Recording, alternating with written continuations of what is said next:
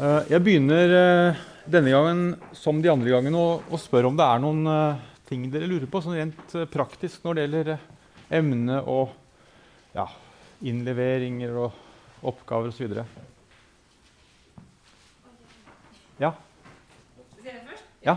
Jeg bare lurte på de, for Vi skal jo levere to oppgaver og liksom skrive de om, eller skrive forbedre de da. ja. Når, når vi skal gjøre det? Uh, Hva ja. slags er det? vet du sånn cirka? Altså innleveringsdatoene. Ja, sånn endelig eksamensinnleveringsdatoene. Å ja. Den endelig Ja. Og det er begge to? Ja. Ja. ja. Ok, Så det er en, ja, eksamensdatoen eh, er det datoen da dere leverer inn de to forbedrede oppgavene. Endelige tekstene. Og du?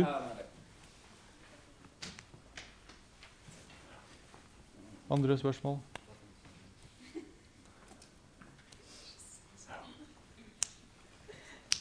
Nei. eh, da går vi rett på uh, temaet, som i dag er eh, eh, et veldig viktig tema.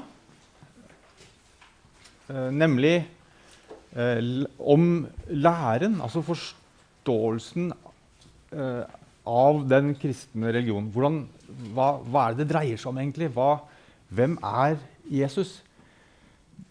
Eh, denne, dette mennesket, denne personen, hvem, hvem er han egentlig i forhold til Gud? Og også hvem er Gud? Hvordan skal vi, hvordan skal vi forstå Gud? Hvordan forsto de tidlige kristne Gud og forholdet mellom Jesus og Gud? Det er, eh, det er selvfølgelig helt sentrale og viktige spørsmål. ikke sant? Eh, det er veldig interessant med, eh, med praksis, hvordan, hva de gjorde, hvordan forholdet var til samfunnet, til keiseren, til, til stat osv. Men eh, det er også viktig for oss, og kanskje på en måte det aller viktigste, å prøve å forstå eh, forstå dette her. Hvordan den, den innerste logikken eh, i denne nye, unge, framvoksende religionen var. Hva, hva var det de trodde? Hva var det, hva var det de mente? Så eh, vi skal Jeg skal prøve å ta dere med på eh, denne lille reisen. Ja, egentlig en ganske stor reise. Eh, når det gjelder eh, denne læreutviklinga fra, eh, fra første århundre og framover til store konsiler som gjorde vedtak. Og egentlig litt eh, før første århundre også, tilbake til jødisk tid. Fordi, altså tilbake til eh, jødedom, fordi røttene til eh, kristen teologi den ligger jo i det som gikk foran, nemlig jødedommen, som, den, som kristendommen kom fra. Så eh, i pensumet står det litt Det står veldig lite om dette her i, i den, den eh, norske grunnboka.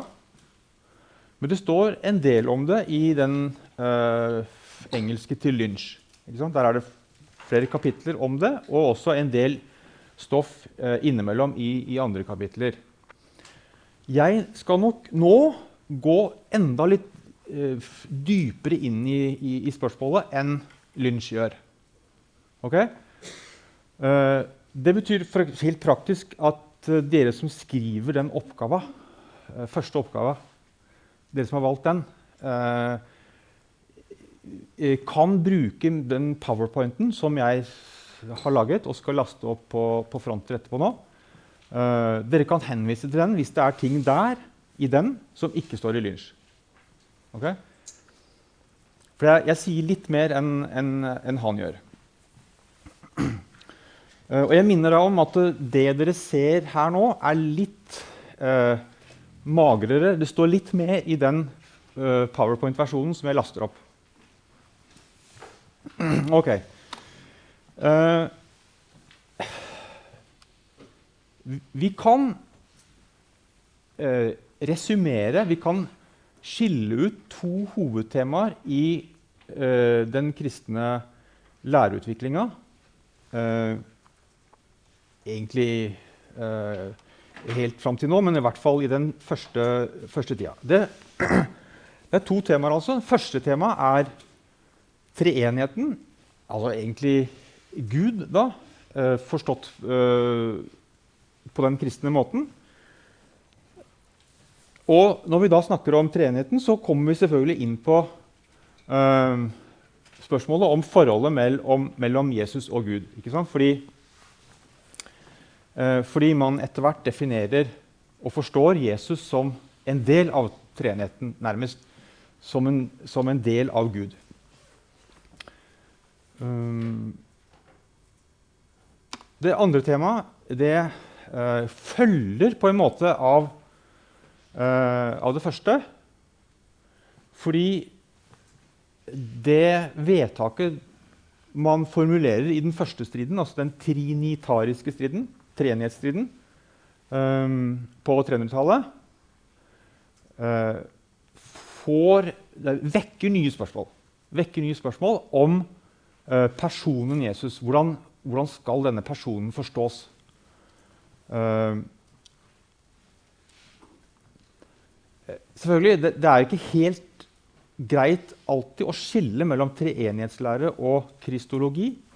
Altså uh, skille mellom forståelsen av Gud og Jesus. Fordi, som jeg sa, også i treenighetsspørsmålet så trekker man inn Jesus. ikke sant? Så, så det er en kristologisk side, kristologisk side ved den første striden også. Men uh, det er noe sånn man pleier å dele inn uh, denne teologihistoria. Og det er også sånn Lynch deler inn, med to kapitler, ett om hver, uh, hvert, hvert, tema.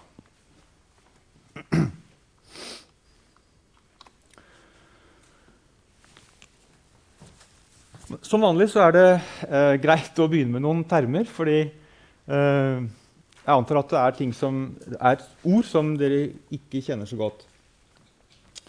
Treenighet, greit nok. Uh, Uh, det at Gud forstås som én, men samtidig tre, det er termen kristologi, som vi allerede har brukt, som selvfølgelig baserer seg på termen Kristus. Og Kristus er gresk for Messias. Den salvede, betyr det. Kristos er den som er salvet. men så kommer det noen flere termer her som uh, nok er litt mindre kjent. Alle brukes, eller nevnes i hvert fall, av uh, Lynch. Så noen, jeg kommer ikke med noen nyheter her utover, utover, pensum. Men altså vi, det her er noen termer da, som, som, tas fra gresk filosofi. og, og det, dette skyldes jo at de kristne teologene, de tidligste, Uh, mange av dem var lærde. De hadde lært uh, uh, gresk filosofi og brukte den. De brukte filosofien i si, sitt arbeid med, med, teologien. Så de, de, tok i bruk termer og forestillinger fra filosofien som disse her. Fysis eller osia. greske eh, latin 'substantia' de betyr natur. Altså, natur, altså på en måte hva. Uh, et, menneske, uh, et, menneskes hva er naturen til et menneske. Jeg, bare, minner om at her skriver jeg 'fysisk' med F. Og det er fordi man på norsk transkriberer gresk uh, fi på den måten. Men på engelsk er det en ph. Det, bare så dere klager over det, at det er litt forskjellig skrivemåte. Um, men det neste er nok enda mindre kjent, nemlig hypostase. Det er et uh, veldig lite kjent, eller lite brukt uh, ord på norsk. Men altså, det er en viktig term i teologihistoria. Heldigvis kan man oversette det nokså greit med person.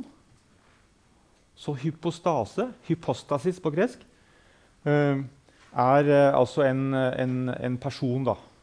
Eh, jeg er en hypostase, og, og, og hver av dere er en hypostase som også har en natur. Dette, så disse termene trenger vi når vi skal gå inn i teologihistoria, for det er de, som brukes da i, i, i teologien. Eh, en annen term da er inkarnasjon. Eh, fra, fra, eh, fra latin er det. Det, det som dette får meg til å tenke på, det er jo chili con carne. Ikke sant? Chili med, med kjøtt. Så det, er, uh, det, det, har med kjøtt å gjøre. Kjød, kropp. Og jeg har satt på helt til slutt i anførselstegn en nokså kreativ nynorsk oversettelse. Det er en som lagde den termen. Jeg tror ikke den har blitt noe særlig i bruk. Men uh, ikjøting er altså det direkte oversettelse av inkarnasjon. Um, så inkarnasjon det, uh, det, er en term som er helt grunnleggende i, i, i den kristne religionen, nemlig det, den idé at Gud ble menneske. Eller altså eh, eh, Ja, og det, dette, dette, skal vi se på nærmere. noe i Gud så å si, ble menneske. Tok, tok, på seg en kropp, kledde seg en kropp, ble, ble et menneske. Ja, ok. Inkarnasjonen. og Det er jo en, en, tanke, en forestilling, som skiller kristendommen fra jødedom og islam, de to som står ganske nær ellers. Så første tema, altså treningslæra.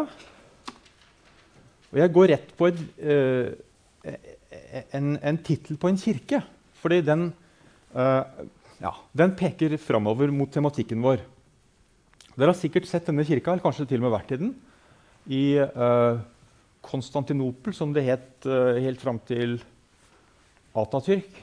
Og republikken, da skiftet man til termen Istanbul.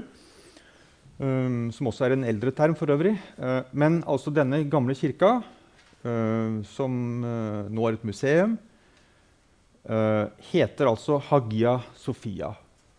Hagia Sofia. Um, så spørsmålet hva, hva betyr det? Hagia er hellig på gresk. Og Sofia, hva er det? Noen som, noen som veit det? Er det en helgen? Er det, er det den hellige Sofia? Ja?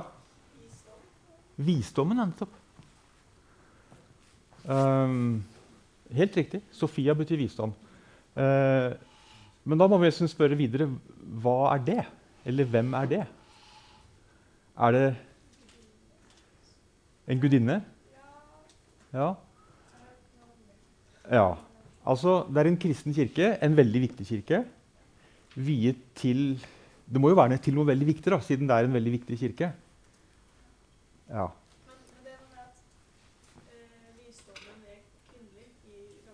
Ja, nettopp.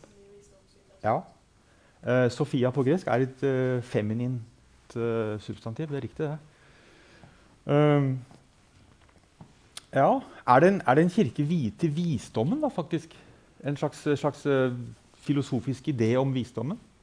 Er det det?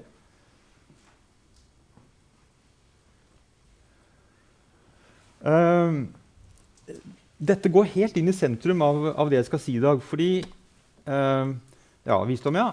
Og det, det, er faktisk slik at visdommen her er uh, ingen andre enn Jesus Kristus. Slik at uh, denne, denne, kirka er viet til, til Jesus, faktisk, da, uh, forstått som visdommen.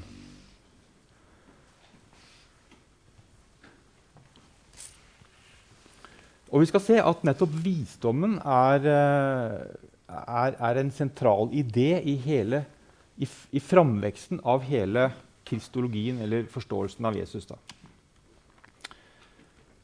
Ok, jeg har sammenfattet uh, ulike ståsteder, ulike synspunkter på Jesus, i, i tre, tre uh, grupper eller tre svar på, på hvem han var. Uh, det er klart, det var ulike forståelser av Jesus, som vi skal se nå. Den første jeg trekker fram, er at Jesus var et menneske Uh, altså et, et, et, eh, ekte menneske, men med en slags guddommelig ja, status, dimensjon Et eller annet i den retninga. Altså at han både var guddommelig og, og, menneskelig på, på, en måte. Da. Kombinerte de to dimensjonene. eh, så dette skal vi gå nærmere inn på, altså hva, hva det konkret uh, betydde. Så de som sto for denne, dette synet, det var de tekstene som vi finner i Det nye testamentet. Der finner vi en sånn kristologi. Og også i den proto-ortodokse forståelsen av Jesus. Og jeg kan jo godt antisipere at det er denne forståelsen som vinner fram på eh, Nikea-konsilet 325 og blir den, måte, den, den eh, vanlige kristne forståelsen. Men altså eh, før, eh, før Nikea, og for så vidt eh, eh, til og med seinere, var det andre, andre synspunkter andre forståelser som eh, som eksisterte. Den, den, andre gruppa, eller andre svaret jeg tar fram her, er det synet at Jesus ikke var et ordentlig menneske. Han var bare et, et skinnmenneske, et, et eh, vesen som var guddommelig, men bare så ut som et menneske. Han var ikke noe ekte menneske. Han kunne, øh, han kunne skifte kropp og, og, skifte framtoning ettersom han ønsket og trengte det. Så han, hadde, han bare syntes å ha en kropp. Han bare virket som han hadde en kropp. Og dette er en forståelse som vi finner hos gnostikere uh, og, og, visse andre. Men det er typisk for gnostisk, det vi kalt, har kalt med et anførselstegn gnostisk eh, kristendom motsatte, uh, det motsatte svaret, altså at han ikke var guddommelig, men bare menneskelig, er det siste her. Bare et menneske, men uh, et veldig spesielt menneske. Enten at han var helt perfekt, altså han hadde en, uh, en han, han, levde på en måte uten synd, uten feil, i, helt etter Guds vilje, eller hvordan man vil si det. Eller at han ble opphøyd av Gud, adoptert så å si av Gud som, som Guds sønn. Så dette er et syn vi finner hos mange jødekristne. Og jeg kan jo legge til da, Det blir ikke noe særlig tema her, men det er jo det er et syn som også står nær det islamske synet seinere på, på Jesus. Ok, Så vi har, eh, Det er en viss logikk i disse tre svarene. ikke sant? Det første kombinerer menneskelig og guddommelig. De to andre har enten eh, guddommelig eller menneskelig som, som, sitt svar.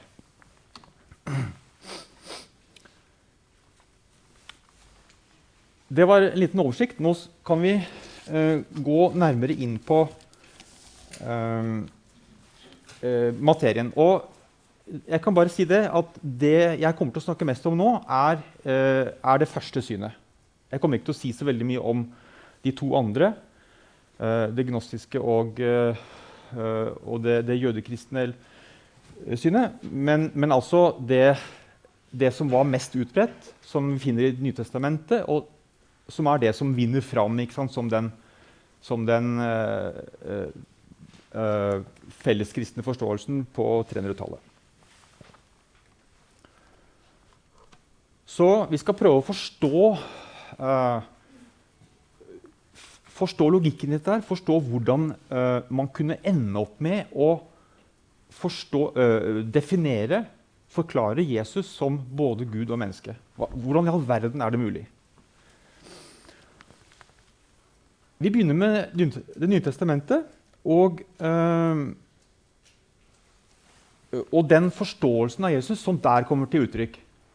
Og jeg, understreker igjen at vi nå snakker om Jeg snakker ikke om, om, sannheten om Jesus, men jeg snakker om den forståelsen som vi leser der hos de første kristne. Den forståelsen de hadde av Jesus. Uh, han, uh, opp, Jesus opptrer i Det nye testamentet, evangeliene, som en mann med en særegen autoritet. Han, han ut, han snakker nærmest som, han, som han har en, en absolutt autoritet. Eh, han sa, 'Dere har hørt det er sagt, men jeg sier dere.' Han tilga synder, noe som bare, ellers bare Gud kunne gjøre. Han helbredet, men ikke i Guds kraft. Han helbredet i sin egen kraft. så å si. Uh, han kunne stille en storm, han behersket naturen. Noe som også ellers bare uh, Gud kunne gjøre. Så vi, se, vi, ser her et bilde av en, et, et, menneske som har liksom, helt uvanlige kvaliteter uh, eller ressurser. Han gjør under, han vekker Lasarus opp fra de døde. ikke helt vanlig å gjøre det. Han, ifølge Det nye testamentet, altså, han dør, men oppstår fra de døde selv. Eh, etter eh, noen eh, tid da så farer han opp til himmelen. Han blir tatt opp til himmelen, ifølge historien, da. og der oppe så blir han plassert på Guds høyre side. Det er en metafor, selvfølgelig. Um, men det, det, er en metafor som forteller om en veldig spesiell posisjon han fikk hos, uh, der oppe hos Gud. Så her er det snakk om et, et, veldig spesielt menneske, med andre ord.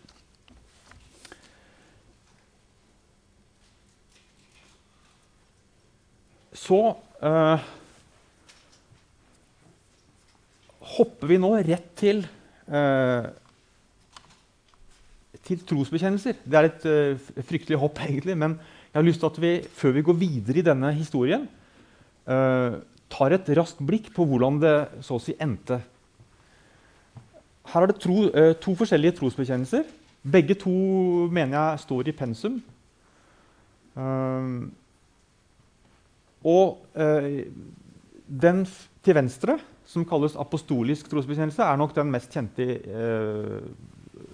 for, for, dere, fordi det er den som brukes på vanlige uh, høymesser messer i, i, en, en, norsk kirke. Den norske kirke. Uh, den andre, som heter nikenske trosbekjennelse, er egentlig en viktigere trosbekjennelse fordi den uh, ble brukt av alle. Det var på en måte den felles, universelle trosbekjennelsen. Og den mest autoritative framstillinga av den kristne troen. Uh, som også brukes i Den norske kirke, men ikke så ofte. Mer spesielle, ved spesielle anledninger. Så, så, begge to er uttrykk for, uh, for uh, den norske kristendommen i dag. ok, så jeg har uthevet noen ord. Ser dere, ser dere med rødt? Og det er jo tre artikler her. Tre hoveddeler. Én om, om, Gud Fader, én om Jesus, som er Sønnen, og én om Den hellige ånd. Så her har vi treenigheten. Um, uh, og til slutt uh, et lite, lite, avsnitt om, uh, om kirka. Ok. Ja? Ja. Ikke så mye, men den er, eh, den er, en variant som kan brukes på etter ønske.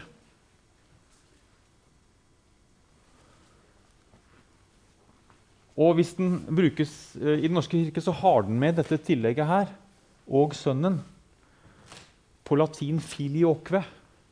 Og det kommer vi tilbake til om to uker. Men det var nemlig et stort stridsspørsmål mellom øst og vest, mellom Roma og Konstantinopel. Uh, ja. Så det er et tillegg som ble tatt inn i den uh, latinske kristenheten, men ikke i den greske og, og østlige. østkirkelige. Okay, det dette var bare en liten uh, digresjon, egentlig. Men det som er viktig for oss akkurat nå, det er at det er å se på de termene som brukes her i, i Rødt. Uh, Nemlig at den første trosartikkelen uh, den sier at vi tror uh, Jeg tror på Gud Fader. Gud Fader. Men handler ikke alle, alle tre om Gud? Vi sier jo at treenigheten er Gud. Gud er treenig. Hvorfor, hvorfor, kaller vi da den ene av de tre for Gud, og ikke de to andre? Fordi, ja, altså, Den andre som dere ser, kalles Herre. Jesus kalles ikke Gud her, men Herre. Han kalles mange ting. Eh, sønn og herre. Eh, men altså ikke Gud.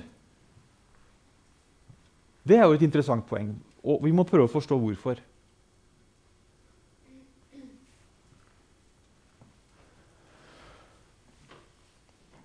Den hellige ånd kalles heller ikke Gud her, altså som term. Uh, men uh, Og i den, i den, til venstre, den apostoliske, så sies det ingenting mer om Den hellige ånd. Men i den nikenske så sies det litt, uh, litt mer. Nemlig at han er herre og livgiver. Også herre, altså. Som, som sønnen. Og også litt mer om, om den, hvordan den utgår fra Faderen. Så litt merkelig ikke sant, at, at, disse termene brukes på den måten. Og vi skal prøve å forstå hvorfor.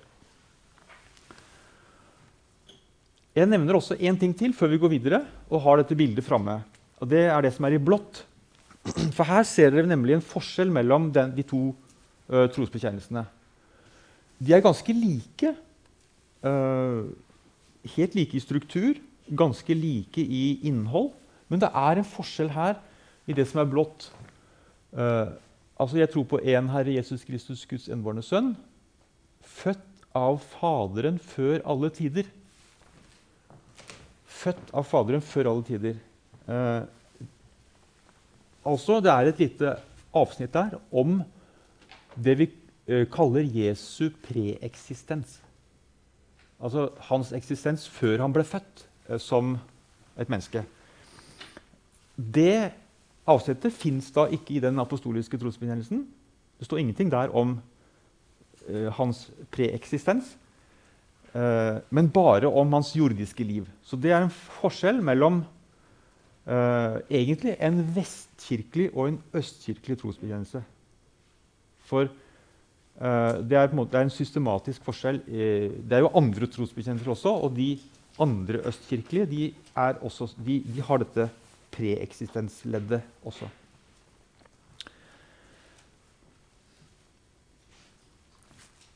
Og uh, dette tillegget den, om Den hellige ånd handler også om liksom, opprinnelsen da, til ånden, akkurat som det om, handler om opprinnelsen til Jesus. Så Um, den nikenske har med noen ledd om preeksistens som, som, er veldig viktige, og som vi skal se videre på uh, etter hvert, og se opprinnelsen til.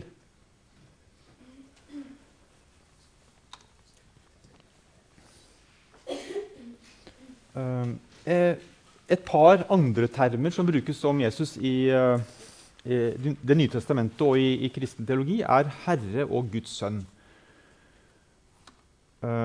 Uh, han blir kalt Herre, altså. Det så vi jo nettopp i, i trosbekjennelsen. Han blir kalt uh, det også i, um, i Det nye testamentet. F.eks. I, den, i det verset som jeg har tatt med her, fra romerbrevet.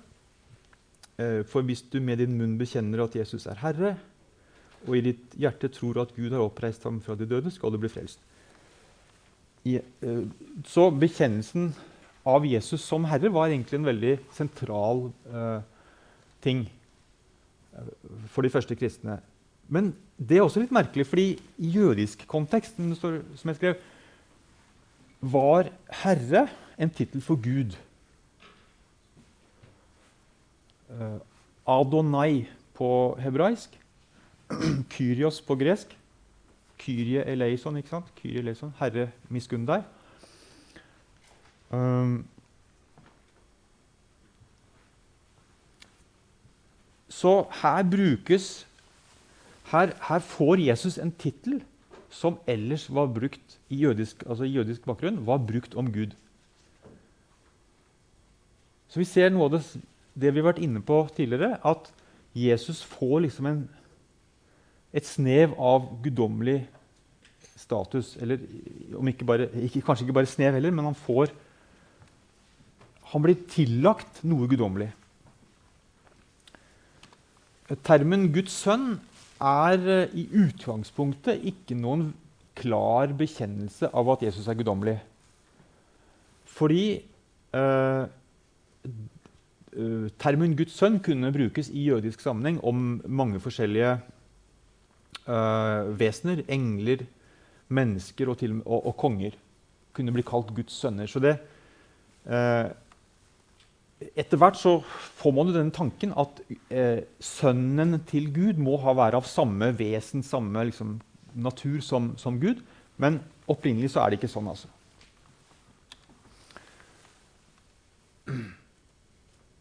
Ok, Vi ser at Jesus begynner å, få, uh, begynner å bli tillagt en guddommelig status. Men som vi så i trosbekjennelsen, så kalles han jo ikke Gud der.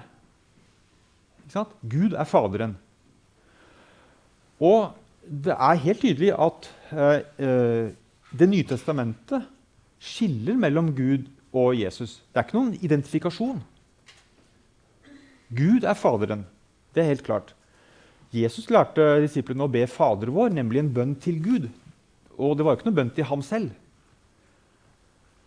Um, Jesusbevegelsen, den, den, aller tidligste Jesusbevegelsen skiller um, f.eks. et uttrykk i Efes, brevet til efeserne. Jeg ber om at vår Herre Jesus Kristus, uh, Gud, herlighetens Far,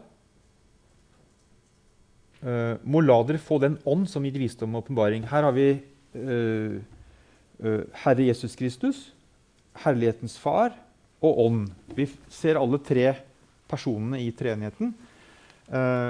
og det er helt tydelig at den skiller mellom Gud og Jesus. Et interessant vers er uh, 1. Korinterbrev 8,6, som helt uh, ja, Vi ser på formen til disse versene at de side, sammenstiller Jesus og, og, Gud.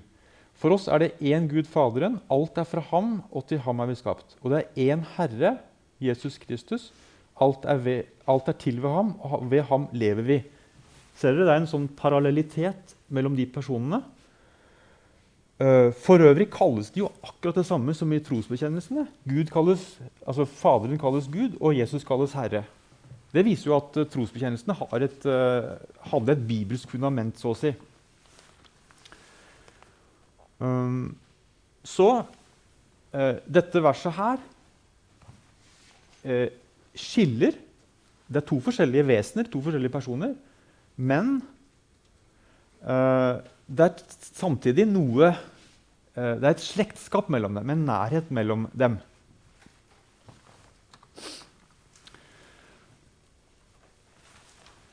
Så er det veldig interessant, og, og dette sier ikke Lynch noe om. Altså, så her, litt, uh, her, er et av de stedene hvor jeg går litt uh, videre uh, og, og for så vidt bakenfor Lynch. Det er nemlig um, helt klart at de tidligkristne forståelsene av Jesus som Guds visdom og Guds uh, ord, eller logos, har røtter i en viss jødedom. Uh,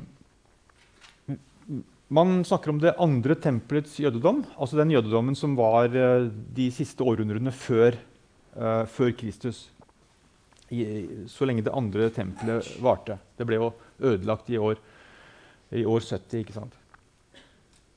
Så eh, I diverse skrifter fra denne tiden, altså jødiske skrifter, så eh, beskrives Guds visdom som liksom en, et, et, vesen, nærmest. En person, nærmest.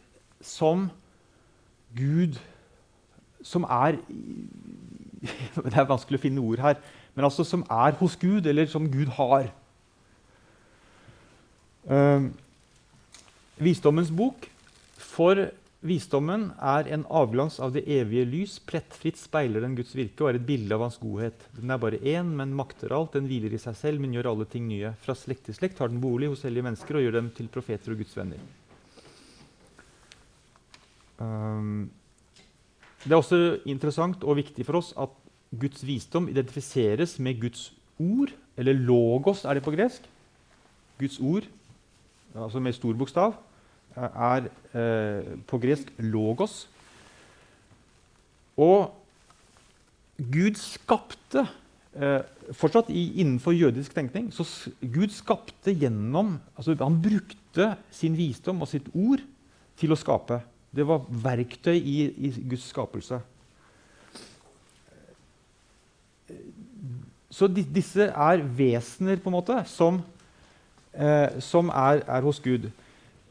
Eh, veldig interessant også er det at man til og med finner forestillinger om en nesten en slags inkarnasjon av, eh, av visdommen. At visdommen skal ta bolig og bli eh, her på jord.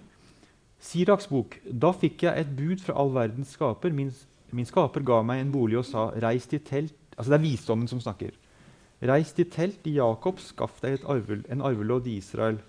I begynnelsen, før all tid, skapte han meg, og til evig tid skal jeg ikke få gå. Visdommen, ifølge den siste uh, avsnittet, eksisterte før all tid, altså før skapelsen. Den var preeksistent.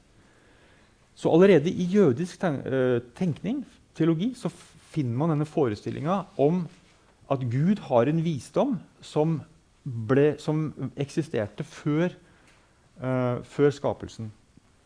Og som var et redskap i nettopp skapelsen. Um, ja. Men denne visdommen er ikke noe man tilber. Altså man til, jødene tilber Gud, men ikke visdommen. Det, det er jo et uttrykk for at, uh, at visdommen ikke er Gud.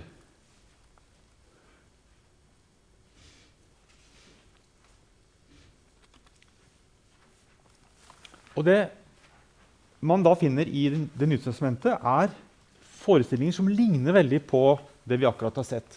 Så det er ingen tvil om at det er en, en, en linje her, en slags kontinuitet fra uh, denne førkristne jødedommen og den tidlige kristendommen.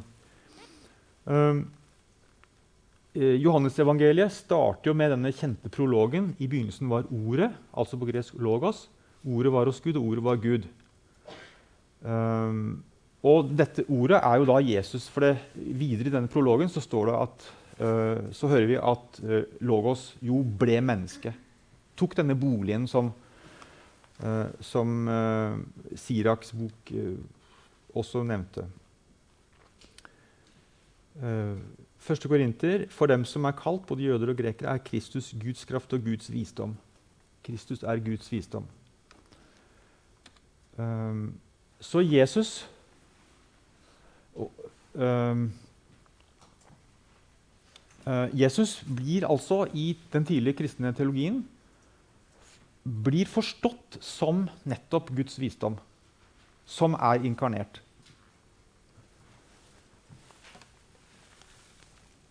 Um, i begge de tradisjonene, jødisk og kristen, er visdommen en slags agent eller et instrument som Gud bruker i sin skapelse av verden.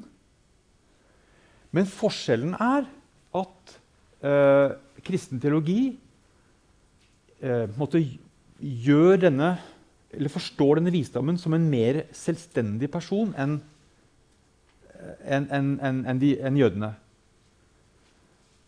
det skjer en utvikling i den, i den forestillinga. Og vi kan kalle det, hvis vi lager et verb, da, hypostasiere. Det fins på, på, engelsk, men jeg har aldri hørt det på norsk. egentlig. Men uh, la oss skape det verbet. Hypostasiere. Å lage en hypostase, altså en person. Personliggjøre, kan vi si. Personliggjøre uh, Guds visdom. Gud har en visdom som er en, en, en, en hypostase, da, en egen person. Og denne, denne Guds visdom var det som ble født som et menneske. Sånn, inkarnert og født som et menneske. Begynner vi å, begynner å skape seg et bilde av, av, av utviklinga?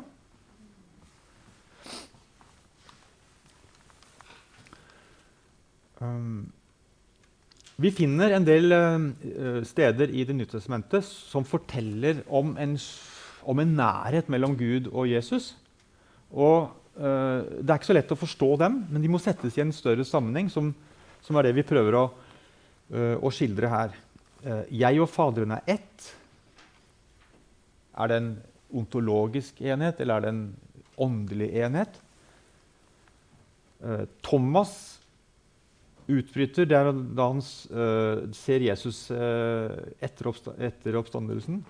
Min Herre og min Gud. Han kaller faktisk Jesus Gud. Eh, brevet til filipperne. Han var i Guds skikkelse. Jesus var i Guds skikkelse og så det ikke som et råd å være Gud lik. Gud lik.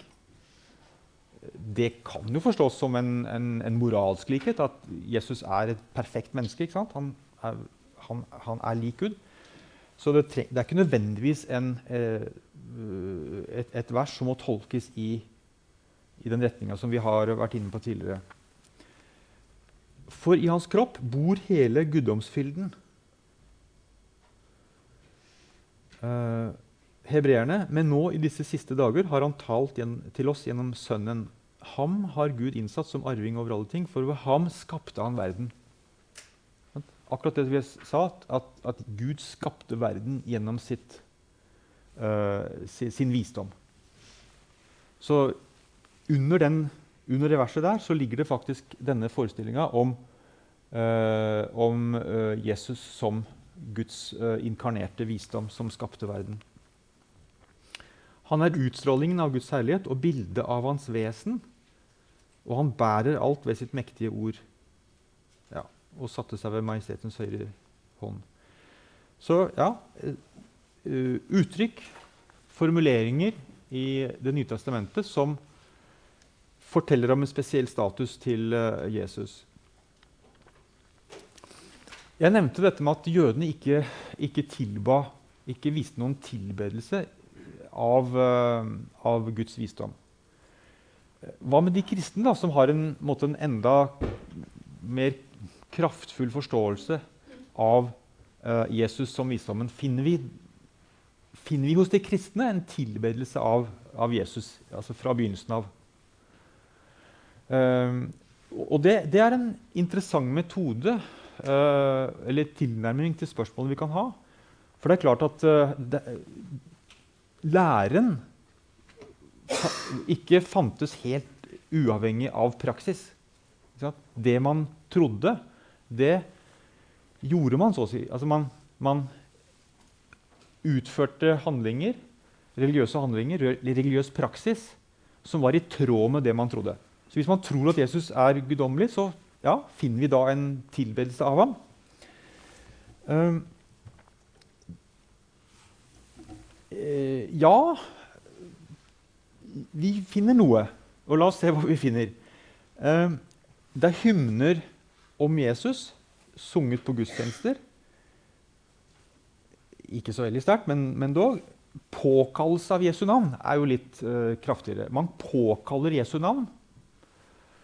Uh, er det tilbedelse av Jesus? Vel, kanskje ikke helt, men det er noe i den retning. Man bekjenner Jesus uh, som noe, som Herre, antageligvis. Eh, i en gudstjeneste. Man ber til Gud gjennom Jesus eller i Jesu navn.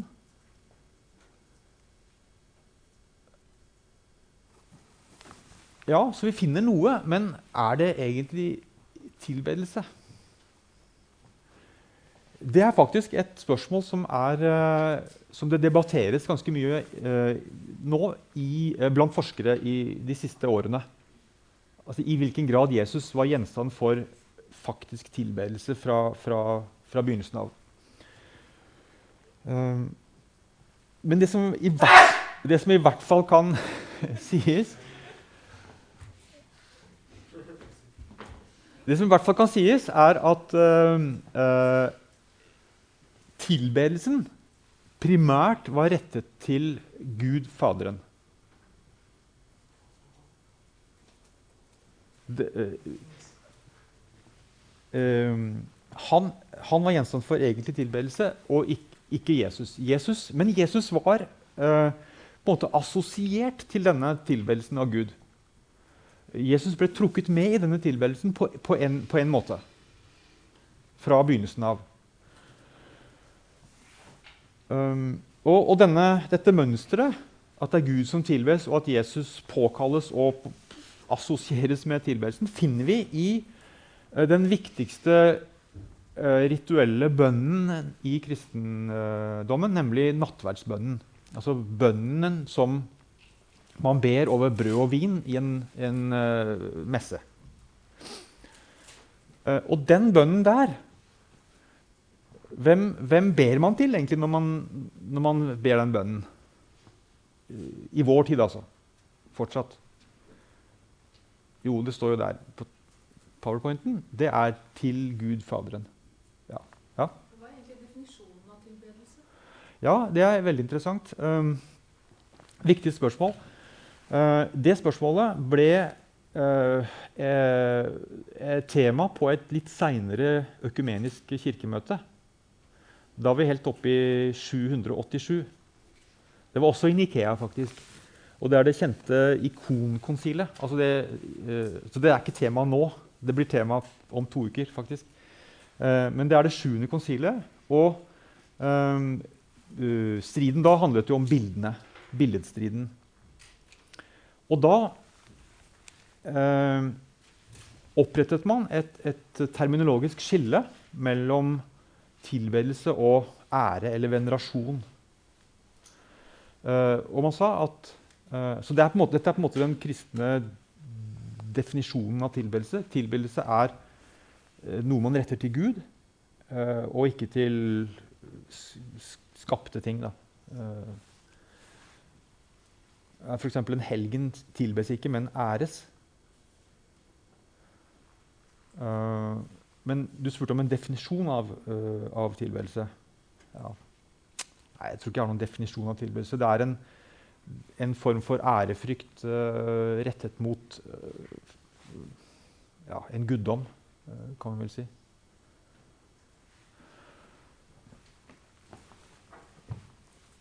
Ja, uh, tida har gått uh, uh, i første time, så vi tar en pause nå. Et kvarter. Så vi fortsetter. vi er nesten ferdig med denne Vi nærmer oss slutten på denne første delen om treenigheten. Men vi har litt til, og så skal vi fortsette med, med kristologien etterpå.